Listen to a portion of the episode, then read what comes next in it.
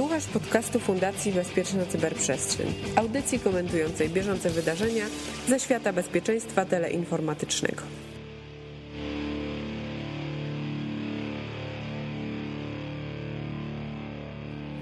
DNS, Domain Name System, jeden z tych kluczowych systemów internetu, o którego istnieniu nie wie przeciętny użytkownik sieci, a jednocześnie system na tyle istotny, że jego brak utrudnia korzystanie z sieci, a nadużycie pozwala na zrobienie brzydkiego psikusa. Oczywiście po spełnieniu kilku dodatkowych warunków, o czym boleśnie przekonało się niedawno Polskie Ministerstwo Finansów. Przed Tobą 57 odcinek podcastu CyberCyber, w którym wystąpią Witold Kręcicki z Internet Systems Consortium, operatora jednego z 13 głównych serwerów DNS oraz tradycyjnie Mirek Maj i Łukasz Jachowicz. Czym właściwie jest DNS? A, tak naprawdę mm, ludzie lubią używać nazw do tego, żeby się komunikować. Komputery wolą numerki. DNS jest systemem, który tłumaczy nazwy na numerki. Kiedyś, w czasach e, internetu łupanego, było to prostsze. Maszyn w internecie było niewielu, czy w, niewiele, czy w, e, wtedy w ARPANETie. I w e, instytucji, która się nazywała Stanford Research Institute, była pani Elizabeth e, Feinler i ona prowadziła plik tekstowy, jeżeli podłączyliśmy nową maszynę do ARPANETu, dzwoniło się w godzinach urzędowania tej pani, mówiło się, że podłączyliśmy nowy serwer, mówiło się, jaki jest jego adres. Ta pani wpisywała tą maszynę do tego pliku, ten plik był dystrybuowany pomiędzy administratorami i wszystko to działało. Na początku lat 80. E, sprawa się troszeczkę skomplikowała, bo tych maszyn w internecie było coraz więcej i coraz więcej. Ten wzrost był wręcz wykładniczy. I po, powstała potrzeba stworzenia systemu, który no, skalowałby się, bo niestety jedna pani, która wpisuje adresy w pliku tekstowym, e, to już, to już po prostu przestawało działać. I wtedy e, Paul Mokapetris z Johnem Postelem wymyślili system e, Domain Name System. Opierał się on na dwóch założeniach. Po pierwsze hierarchiczność, po drugie dystrybucja. To znaczy, że ja nie wiem, gdzie są wszystkie hosty w sieci, nie wiem, gdzie są wszystkie maszyny, ale wiem, kto może wiedzieć. Dlatego, jeżeli mamy na przykład stronę www.cypsecurity.org, to pytamy się jednego z root serwerów, z 13 root serwerów, którego jednym z operatorów jest właśnie ISC, o to, gdzie jest www.cypsecurity.org. Ten root serwer odpowiada, nie wiem, ale wiem, kto może wiedzieć, gdzie jest org. Więc znowu pytamy się serwera DNS domeny org, gdzie jest www.cypsecurity.org, na co on odpowiada, nie wiem, ale to jest serwer obsługujący cypsecurity.org, jego się spytaj. Na co znowu pytamy serwera obsługującego cypsecurity.org, gdzie jest www.cypsecurity.org i dostajemy odpowiedź. Ten system działał, działa od 35 lat. E, w 1984 roku powstał serwer DNS Bind, e, pierwsza jego wersja, który teraz jest rozwijany właśnie przez e, Internet Systems Consortium i nad którym ja pracuję. Serwer, czyli sprzęt czy oprogramowanie? Oprogramowanie.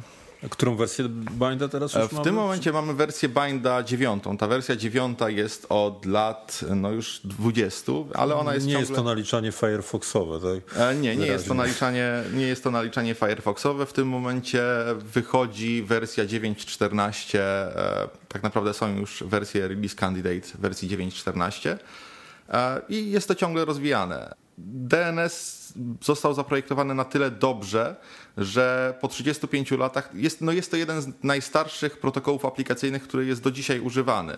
Gdybyśmy wzięli serwer czy jakiś komputer z roku 85, podłączyli go do internetu w jakiś sposób, nie byłoby to proste, i tam zapytali się o używając oprogramowania tam zawartego o jakąś nazwę, e, żeby nam przetłumaczyła nazwę na adres, to by zadziałało, bo system DNS się od tego czasu nie zmienił. Root serwerów, tych kluczowych serwerów jest 13. Czy to oznacza, że 13 maszyn e, obsługuje cały internet? No tak, na szczęście tak nie jest. E, root serwerów jest rzeczywiście 13. One są nazywane od, od litery A do M. E, operatorów tych root serwerów jest 12, ponieważ e, firma VeriSign obsługuje dwa z nich, ale pod spodem jest to oczywiście dużo bardziej rozproszone. E, F-root to jest kilkaset maszyn rozproszonych po całym świecie. One mają jeden adres IP oczywiście, ale jeżeli jesteśmy w Warszawie, to dobijemy się do serwera, który jest w Warszawie. Jeżeli jesteśmy w Amsterdamie, dobijemy się do serwera, który jest w Amsterdamie. Więc no, tych maszyn jest dużo więcej, ponieważ jest to no, jedna z najbardziej kluczowych rzeczy w internecie. Jeżeli to by przestało działać, to bardzo wiele rzeczy by przestało działać. W Polsce jest ile serwerów? F-root w Polsce chyba ma trzy albo cztery instancje.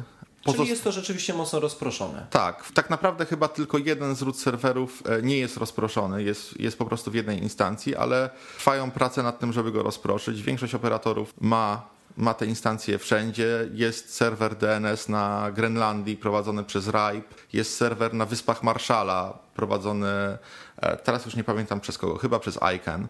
Więc e, operatorzy root serwerów rozmawiają ze sobą i starają się te root serwery tak, żeby chociaż jeden root serwer był nawet w najbardziej odległych miejscach, typu właśnie Grenlandia, Alaska, Wyspy Marszala. To jest wręcz ten niemalże mityczny system utrzymania internetu, tak niektórzy to kojarzą, bo ja sobie przypominam te różne opowieści, czy artykuły krótsze albo dłuższe na temat tego, jak wyłączyć internet. One bardzo często zawierają ten wątek wyłączmy DNS. I to oczywiście ze względu na to, o czym opowiadasz, ten bardzo rozproszony stabilny właściwie mocno również e, system e, sprawia, że tego się, znaczy nie, nie chciałbym prowokować, ale to zresztą ja nie muszę, tak, bo, bo ale, ale to jest bardzo trudne do, do zrobienia, natomiast takie próby też trzeba sobie powiedzieć od czasu do czasu e, znamy z historii, tak? tak tego, takie, takie próby, próby są. masowego ataku tego systemu root serwerów. Tak, na szczęście przez to, że ten system jest bardzo rozproszony, no to jeżeli my atakujemy na przykład froot, w Warszawie, to atakujemy warszawski Efrut, a ludzie, którzy są poza, poza Polską, łączą się do innych, e, do innych węzłów i tego ataku nie widzą, więc to musi być naprawdę bardzo zmasowany atak. A czy Pola, Polacy, no się polscy użytkownicy internetu wtedy taki atak widzą, na ile on jest uciążliwy? Jeżeli, e, ze względu na to, że tych root serwerów jest 13, naprawdę to musiałby być gigantyczny atak, żeby to wszystko umarło. Dodatkowo są e, metody, na to, żeby uniezależnić się od systemu root serwerów. Ponieważ tak naprawdę root strefa, czyli ta strefa, gdzie są zapisane, gdzie są serwery obsługujące domenę com, org, pl, uk, jest jawna. To jest informacja jawna, która jest publikowana i jest teraz trend, żeby tą strefę po prostu trzymać u siebie lokalnie, bo można ją ściągnąć i zamiast odpytywać się root serwerów, mieć ją u siebie korzystać z lokalnej kopii, przez co jesteśmy uniezależnieni od na przykład właśnie ataku na root serwery. No właśnie, z tego co ty powiedziałeś, to kiedy się próbuję dowiedzieć, gdzie jest sypsek.org, to zapytuję root serwera, kto ma ORG, ale przecież jak ja sobie konfiguruję komputer, to nie wpisuję tam f-serwera, tylko wpisuję adres, jak konfiguruję sobie DNS, albo 4.8, albo 194.204.159.1, to, to, to, to, to czy ja się pytam f-serwera, czy ktoś inny to robi? Pyta się tak zwany rekursywny resolver, czyli serwer DNS, który wie, kogo należy się zapytać. E, to może być serwer DNS należący do naszego operatora, czyli na przykład właśnie 194.204.159.1 w przypadku e, Orange. E, to może być serwer DNS niezależny, czyli właśnie 4 jedynki, 4 ósemki, 4 dziewiątki, serwery OpenDNS. E, to może być wreszcie serwer, który mamy lokalnie, czyli na przykład serwer na naszym routerze, bo niektóre routery takie domowe mają własny wbudowany serwer DNS rekursywny i w momencie, kiedy my się go pytamy o to, gdzie jest jakaś strona, tak, www.isc.org, on przeprowadza całe, wszystkie zapytania, po czym daje nam gotową odpowiedź, po to, żebyśmy, żeby uprościć to tak naprawdę. Okej, okay, czyli mamy system, który powstał w latach 80., kiedy jeszcze ludzie e, sobie nawzajem ufali. Mamy system, który jest rozproszony e, tak bardzo, że każdy może sobie postawić serwer DNS. To czy to jest bezpieczne? E, no to jest właśnie ten problem. E, tak naprawdę ze wszystkimi protokołami z lat 80. W latach 80., 70., 80. wszyscy w internecie się znali, wszyscy sobie ufali. E, nie było czegoś problemów z tym, że jest potrzebne jakieś szyfrowanie, jakaś autoryzacja. Internet służył do przekazywania głównie rzeczy naukowych albo śmiesznych. Nie było tam transakcji finansowych, więc nikt nie dbał o to, żeby to było bezpieczne. Niestety teraz odczuwamy tego skutki. Mamy e, ataki na BGP, które zostało też wtedy stworzone. Mamy również ataki na DNS i to stanowi teraz problem. Niestety w przypadku DNS-a nie da się zrobić tego tak prosto jak w przypadku HTTP. W HTTP czy w protokołach FTP, gdzie po prostu łączymy się z jakąś maszyną, jest to bardzo proste. Mamy coś, co się nazywa SSL, czy teraz TLS, które zapewnia nam szyfrowanie oraz autoryzację, że rozmawiamy z tym, z kim chcemy rozmawiać. Bierzemy ten nasz protokół, HTTP na przykład, opakowujemy go w warstwę szyfrowania. Voilà, mamy gotowy, bezpieczny protokół. Ponieważ w DNS-ie, tak jak wcześniej mówiłem, rozmawiamy z bardzo wieloma serwerami, e, nie da się tego tak prosto zrobić. E, I tutaj e, tak naprawdę są dwa problemy, które muszą zostać rozwiązane niezależnie. I pierwszym jest integralność danych w DNS-ie. Integralność, czyli to, że jeżeli ja się pytam o www.isc.org, to odpowiedź, którą dostaję, czy ona jest prawdziwa, czy nie.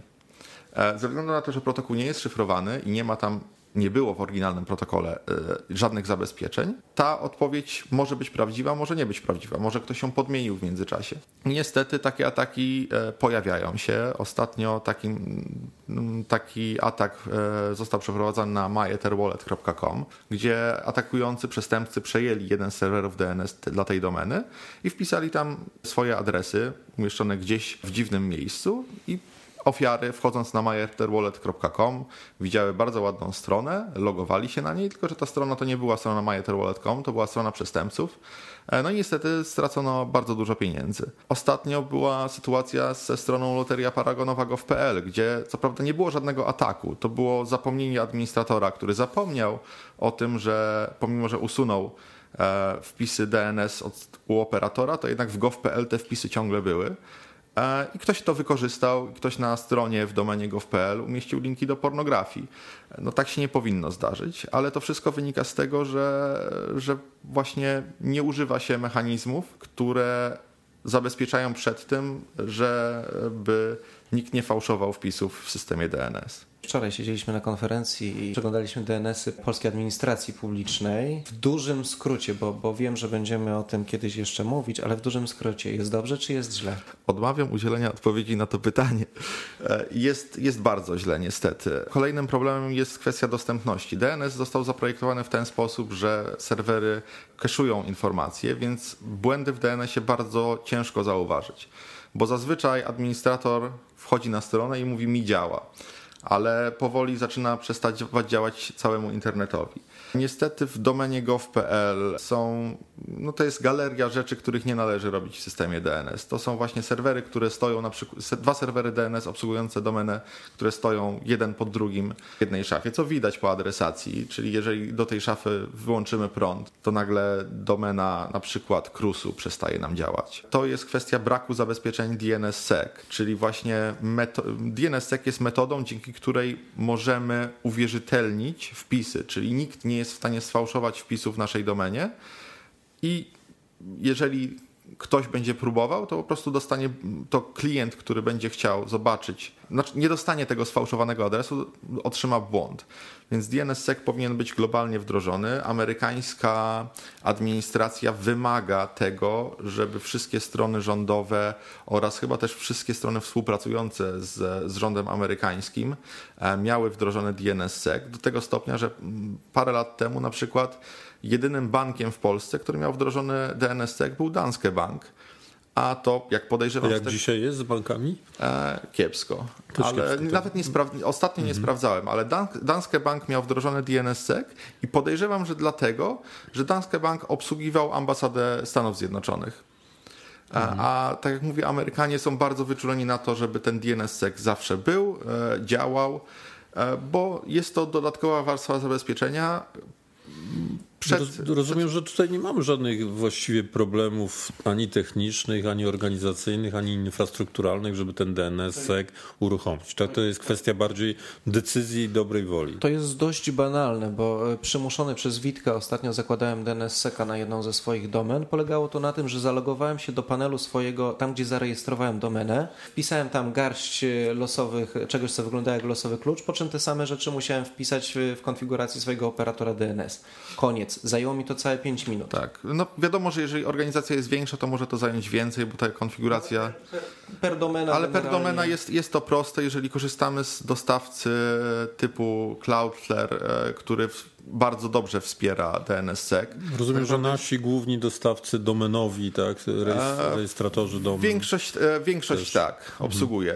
Trwała, trwała to walka, z kilkoma walczyłem o to, żeby właśnie taką funkcjonalność udostępniała. Do tego stopnia, że swoją domenę po prostu wyniosłem od jednego z operatorów, który powiedział mi, że nikt nie jest tym zainteresowany, więc, e, więc nie wiemy, kiedy to zrobimy. Ale w tym momencie ludzie zaczynają to zauważać i zaczynają po prostu głosować nogami, idąc do operatorów, którzy, którzy to obsługują. E, Swojego czasu dość duży operator, e, nazwa.pl, chwalił się tym, że właśnie wszystkie domeny, które są tam trzymane, mogą obsługiwać DNSSEC. To było e, i sam wdrożył DNSSEC dla domen hostowanych przez nich, tak z automatu. I to było to gigantycznie podniosło ilość podpisanych domen w, w poddomenie.pl chwała im za to, bo naprawdę wdrożenie DNSSEC jest łatwe, a powinno. e, Uważam, że wszyscy, wszystkie domeny, które trzymają rzeczy, które są wrażliwe, czy to właśnie na przykład strona podatki gov.pl, która nie jest podpisana, powinny mieć tą warstwę zabezpieczenia, jaką jest DNSSEC. Z drugiej strony jest kwestia walidacji tego DNSSEC-a. Tak jak Łukasz mówił, e, łączymy się do serwera i pytamy się go o stronę na przykład www.isc.org i musimy mu ufać, że on sprawdzi, czy ten DNSSEC jest poprawny, czy nie, czy ta sygnatura jest poprawna, czy nie. E, Niestety wielu operatorów nie ma takiej funkcjonalności na swoich domyślnych serwerach DNS, e, więc warto sprawdzić. E, Są strony, jeżeli dobrze pamiętam, jest to www.dnssec-failed.org, gdzie możemy na tą stronę wejść i jeżeli ona działa, to znaczy, że nasz DNS nie działa, bo ta strona po prostu nie powinna działać, bo ta strona ma błędne, błędne wpisy DNSSEC. Jeżeli udało się nam na nią wejść, to znaczy nasz, e, nasz operator czy dostawca usługi DNS e, nie waliduje DNSSEC, co sprawia, że jesteśmy mniej bezpieczni.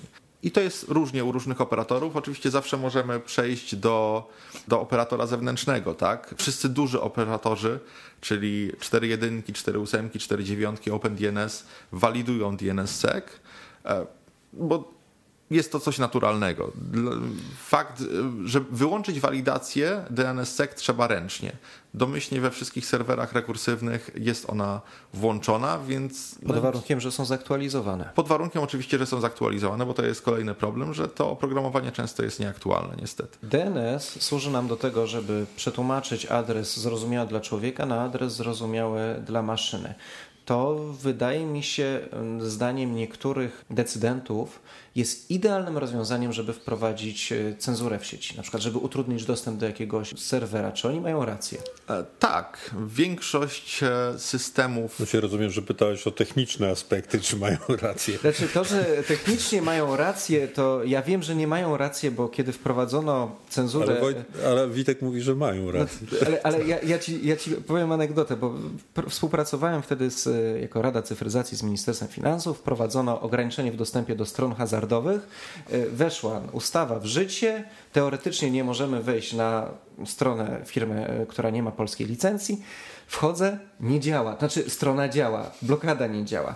Z pół godziny się zastanawiałem, czy wprowadzono, Wyłączyłeś czy nie. swój VPN? Nie, okazało się, no dokładnie, okazało się, że ja w domyślnie mam e, cztery ósemki jako serwer DNS i mi po prostu muszę specjalnie przekonfigurować komputer, żeby móc nie skorzystać z jakiejś strony Tak, oczywiście, to w 100% nie zadziała. No, wiadomo, że chodzi głównie o to, żeby odciąć 80-90%, e, Większość- którzy, którzy nie wiedzą po prostu, że to są cztery ósemki i dlaczego można się przełączyć do innego DNS-a niż ten, Bez który, podpisywania który, z umowy, co automatu, który z automatu został jakby Przydzielony. przydzielony, skonfigurowany przy dołączeniu do internetu. No właśnie, ale powiedz, jak to wygląda na świecie? Czy, Na czy świecie- Polacy są wyjątkiem? Nie, na świecie wygląda to tak, że większość systemów e, tych takich cenzorskich działa w oparciu o DNS, pomijając te bardzo duże typu Wielki Mur Chiński, e, bo jest to najtańsze rozwiązanie, bo mamy tak naprawdę dwa wyjścia. Albo e, filtrujemy ruch DNS, albo filtrujemy cały ruch. Tego ruchu DNS jest oczywiście mniej, poza tym możemy to przerzucić na operatorów,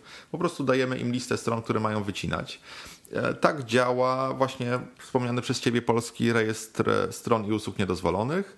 W ustawie jest zapis, że operatorzy czy dostawcy internetu mają obowiązek na swoich serwerach DNS wycinać strony, które są wpisane do tego rejestru, przekierowywać je na adres Ministerstwa Finansów, gdzie jak wchodzimy na tą stronę, to mamy ładny komunikat, że ta strona jest zablokowana. Ale mm, to dotyczy tylko i wyłącznie dostawców internetu i to jest eksplicite napisane w ustawie, więc jeżeli mamy swój własny serwer DNS, a nie jesteśmy dostawcą internetu, to nie musimy tego robić. Ponieważ Google w Polsce nie jest dostawcą internetu, więc 4 ósemki nie muszą tego robić. Ponieważ e, Cloudflare w Polsce nie jest dostawcą internetu, nie jest operatorem internetowym, to 4 jedynki też nie muszą tego robić. Podobnie Packet Clearing House z 4 dziewiątkami. E, jeżeli mamy też swój własny serwer DNS na, na swoim własnym routerze, który rozpytuje się dalej, też on nie musi tego robić, więc jest to rozwiązanie, które tak jak e, tutaj wspomniano, no działa dla większości użytkowników, bo większość użytkowników nie pokusi się o to, żeby żeby na przykład zmienić sobie DNS, ale na przykład w Turcji, kiedy została wprowadzona dość ostra cenzura internetu, e, na ścianach pojawiły się murale z informacją, jak, wpisa- jak zmienić w konfiguracji Windowsa i wpisać tam DNS-y 8888. Jest bardzo dużo Jedna z lepszych promocji Google'a, to, tak. to, która... E, ale, ale tam to działało tak naprawdę tak. I, i ludzie tą cenzurę omijali właśnie dzięki temu, że pisali te cztery ósemki na ścianach. Z drugiej strony jest też e, dobra, można powiedzieć, cenzura. E, bo na przykład e, operatorzy wycinają, wycinają złe adresy. I tu nie mówię o złych adresach moralnie czy etycznie, ale jeżeli na przykład mamy botnet, który, który do komunikacji używa nazw domenowych, to jeżeli wytniemy nazwę, której on używa, to w tym momencie botnet przestaje działać. I były takie sytuacje, gdzie duże botnety w ten sposób wyłączano. Oczywiście ten, ten malware był nadal zainstalowany na komputerach użytkowników, ale on nic nie robił, nie przeprowadzał ataków i było, bez, było dużo bezpieczniej. Chyba, że botnet korzysta na przykład z protokołu DGA, Domain Generation Algorithm, czyli szybkiej zmiany nazw domenowych, ale to są oczywiście już bardziej zaawansowane tak, sposoby działania oczywiście. botnetów no, i niewiele z nich na szczęście w ten sposób działa, ale to możemy przy tej okazji taki, o takich mechanizmach e, około DNS-owych sobie powiedzieć, jak DGA czy FastFast związany z tym, że mamy tę samą e, domenę, ale bardzo szybko potrafimy zmieniać adresy IP, które za nią stoją i też znowu wtedy filtracja IP akurat e, nie jest rozwiązaniem. No wiadomo, ale dlatego właśnie no, żadne rozwiązanie nie jest w 100% skuteczne, ale jeżeli możemy jakoś pomóc, to, jest, to już jest coś. Są to również serwery DNS, które po prostu filtrują e, treści, które mogą być uznane za niebezpieczne. Czy to z punktu widzenia technicznego, czyli właśnie strony z malwarem, e, tego typu rzeczy, e, czy to na przykład strony z pornografią, z jakimiś treściami, które są niezbyt fajne i możemy po prostu jako użytkownicy ustawić sobie taki serwer DNS i być odcięci, czy to my, czy na przykład nasze dzieci mogą być zabezpieczone przed tego typu treściami już na poziomie samego, samego DNS-a. Przy czym możemy sobie to zrobić w domu. Możemy to sobie bez problemu zrobić w domu. I, są oprogramowanie na przykład antywirusowe, ma te no, tak zwane filtry rodzicielskie. Gdzie tak, takie a, rzeczy a, a są również serwery, na przykład OpenDNS e, ma, ma serwery, które mają jakąś tam filtrację treści, e, więc mhm. po prostu na stronę z pewnymi treściami nie będziemy w stanie wejść. Ja jeśli mogę, to bym chętnie wrócił na chwilę do, do jednego wątku, który ty y, poruszyłeś, jak opowiadałeś na początku o tym, jak ten DNS działa. Dla mnie jest jedna interesująca rzecz z tym związana. Powiedziałeś coś takiego, jeśli dobrze zrozumiałem, że do pewnego stopnia momencie, kiedy kontrolujemy to nasze TLD, tak? czyli, czyli tą domenę, powiedzmy .pl, tak? Y, to, to możemy y, no jakby utrzymywać ją i, i budować pewną niezależność obsługi tego. I teraz ja to skojarzyłem trochę z takim wątkiem, zapewne słyszeliście o tym, że w Federacji Rosyjskiej planowane są takie ćwiczenia odłączenia się od internetu. I trochę to mi się z tym kojarzy. Czy to może być zrobione w ten sposób, że nagle w Federacji Rosyjskiej uznano, że spróbujemy zbudować taki system, w którym wszystko, co jest w domenie .ru e, będzie nam działało i wcale nie musimy być dołączeni do reszty tych root serwerów i tak dalej i gdzieś ten swój internet w cudzysłowie rosyjski będzie nam działał i jakby się wypinamy na resztę? To Czy to jest możliwe w systemie To jest możliwe, ale wymaga to właśnie root serwerów, bo jednak wszystkie te pudełka, każdy serwer rekursywny e, będzie się zawsze na początku pytał root serwerów. Więc musimy mieć własne root serwery. Oczywiście adresy tych IP tych root serwerów są znane, więc możemy, e, robiąc to no powiedzmy półlegalnie, czy pół miło z punktu widzenia internetu, rozgłaszać adres, e, mimo mhm. że nie jesteśmy operatorem jakiegoś root serwera, czyli na przykład froot, to możemy w swojej sieci rozgłaszać ten adres, przez co e, klienci będą się do nas, do nas zwracać. Czyli możemy sobie wyobrazić na przykład, że operatorzy w ramach takich ćwiczeń, tak wyobraźmy sobie scenariusz takich ćwiczeń, że, że w ramach takich ćwiczeń operatorzy telekomunikacyjni rosyjscy zaczną spufować w BGP w ten sposób, że będą rozgłaszali, przez BGP będą rozgłaszali, że te adresy to, to te root tak, serwerów tak, to są u nich tak. i oni po prostu obsłużą wtedy ten DNS poprawnie z punktu widzenia ćwiczenia. Tak, tak? I znaczy, tutaj jest też to istotne, że dzięki temu, że jest DNSSEC, e, nie da się pod, podrobić root strefy, e, bo DNSSEC tak samo jak DNS w całości działa hierarchicznie, więc ta strefa root, która jest publicznie dostępna, którą można sobie ściągnąć, ona też jest podpisana. Jeżeli ktoś tam coś spróbuje zmienić, coś dodać, to każdy walidujący resolver powie, że to jest coś złego, to jest sfałszowane ja nie dam tej odpowiedzi. Chociaż z drugiej strony nie wiem, czy nie prościej będzie po prostu przekierować cały ruch DNS, bo on jest y, niepodpisany, nie, nie jest szyfrowany, nie jest podpisany kryptograficznie i wyciąć wszystko, co nie jest krok, nie kończy się na .ru i już, i będziesz dostawał odpowiedź, nie ma takiej domeny. Znaczy, I, i, e, I, wtedy chyba znaczy, żaden tutaj... DNS-sek nas przed tym nie uchroni, bo to ma inny cel, nie podmiankę tak, stron, e... tylko odcięcie znaczy tutaj, tutaj głównie, e, głównie, jak rozumiem, w tych ćwiczeniach chodzi o to, żeby odciąć się od globalnego internetu, ale jednocześnie, żeby ten lokalny internet działał. A do tego musimy mieć na przykład infrastrukturę root serwerów. Tak jak mówię, tych e, operatorów root serwerów jest Prawdziwą 13. albo podrobioną. Prawdziwą albo podrobioną, ale, ale jednak pod tymi adresami, pod którymi są root serwery, coś musi odpowiadać i musi odpowiadać prawidłowo. Tak jak mówiłem, tych root serwerów jest 13, operatorów jest 12 e, i ci operatorzy są przede wszystkim amerykańscy. Jest RIPE europejski, jest ICANN, który można powiedzieć, że jest międzynarodowy ale jest to, jest to VeriSign, jest amerykański, jest, jest Apnik, ISC, tak. jest Apnik, tak, Apnik no, nie jest amerykański, ale tych amerykańskich jednak jest mniej w porównaniu do amerykańskich, no bo jednak internet powstał, powstał w Stanach Zjednoczonych. Zresztą e, to, jak powstawały root serwery, to też jest ciekawa historia, bo wtedy, tak jak mówiłem, wszystko opierało się na zaufaniu. Na początku lat 90.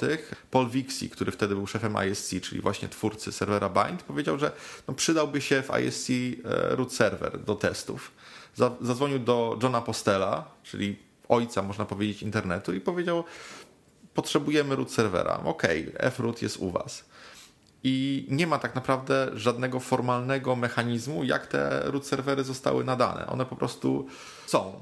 E, te organizacje. Koledzy sobie nadali. No koledzy sobie nadali na początku e, działania internetu, gdzie te. Się nic złego są... nie mówimy, tak po prostu powstał internet tak w powstał... świecie akademickim, I tak w świecie działa. takim i tak, i tak działa. działa. I tak naprawdę nie ma żadnego jakiegoś, nie ma żadnego sformalizowanego systemu, który by mówił, że ta organizacja ma, ma ten root server, po prostu to tak działa. A na ile amerykański rząd ma wpływ na takie organizacje zarządzające DNS-ami? Jakiś tam wpływ ma, ponieważ e, na 13 root serwerów dwa są prowadzone przez e, amerykańską armię, jeden przez NASA, parę innych jest prowadzonych przez amerykańskie firmy, chociażby F-Root, który jest operowany przez e, moją firmę, przez Internet Systems Consortium. Ale jednocześnie mamy serwery operowane przez RIPA, europejską organizację, przez White, japońską, przez NetNode, szwedzką a tak naprawdę wystarczy jeden serwer, root serwer DNS, żeby internet działał.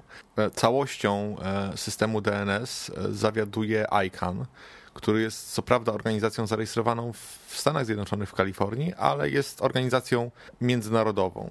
I ludzie z niej rekrutują się też z całego świata, i ona powstała tak naprawdę po to, żeby uniezależnić internet od amerykańskiego rządu. Więc nie obawiałbym się, że amerykański rząd w którymś momencie będzie chciał nam wyłączyć internet, bo nie jest to na szczęście takie proste, właśnie ze względu na to, że ten system, e, root system DNS-ów jest bardzo, bardzo rozproszony. Wiemy już, że DNS-y można wykorzystać w niecnych celach, a w jaki sposób ja, jako zwykły administrator jakiejś strony, jakiegoś serwera, właściciel jakiejś domeny, mogę się zabezpieczyć przed nadużyciami? Przede wszystkim używać DNSSEC. Jeżeli ktoś przejmie nasz serwer DNS, jeden z naszych serwerów DNS i wprowadzi tam błędne dane, to klient, używając oczywiście bezpiecznego, walidującego DNSSEC serwera, nic nie zobaczy. Zobaczy błąd, ale na pewno nie wejdzie na stronę podłożoną tam przez przestępców. Jeżeli ktoś e, przeprowadzi atak na infrastrukturę i zacznie podmieniać rekordy DNS, to też się może zdarzyć. Również taki atak zostanie zatrzymany, ponieważ klient zobaczy, że coś jest nie tak i przestanie nam działać, nasza strona działać oczywiście, ale to lepiej, bo gdyby działała, to klient wszedłby na stronę przestępców. E, drugą zaś rzeczą jest zabezpieczenie naszego konta u dostawcy naszej domeny. Ostatnio pojawiły się ataki, gdzie zamiast bawić się w przejmowanie serwerów DNS czy włamywanie na strony, przestępcy po prostu włamali się na konto w, u operatora domeny i tam wszystko można pozmieniać. I tutaj nas żaden DNS, tak nie obroni, bo to tam właśnie u operatora domeny wpisuje się, jaki jest e, nasz klucz DNSSEC, więc przestępcy równie dobrze mogą go sobie zmienić. Mm, dlatego tutaj dbajmy o to, korzystajmy z e, autoryzacji dwuetapowej, z bezpiecznych haseł. Jeżeli nasza domena jest e, no, jakoś bardzo ważna, że tak się wyrażę, high profile, to jest mechanizm, który nazywa się Registry Log. On dodatkowo kosztuje, nie wszyscy operatorzy go udostępniają, ale dzięki niemu możemy sobie wpisać, że ta domena ma być zablokowana i w tym momencie, jeżeli chcemy wprowadzić jakiekolwiek zmiany u operatora, czyli tak naprawdę tylko zmiany serwerów DNS albo klucza DNSSEC, to operator będzie chciał od nas dodatkowego potwierdzenia zewnętrznym kanałem, właśnie po to, żeby zabezpieczyć się przed tym, żeby ktoś nam tą domenę przejął.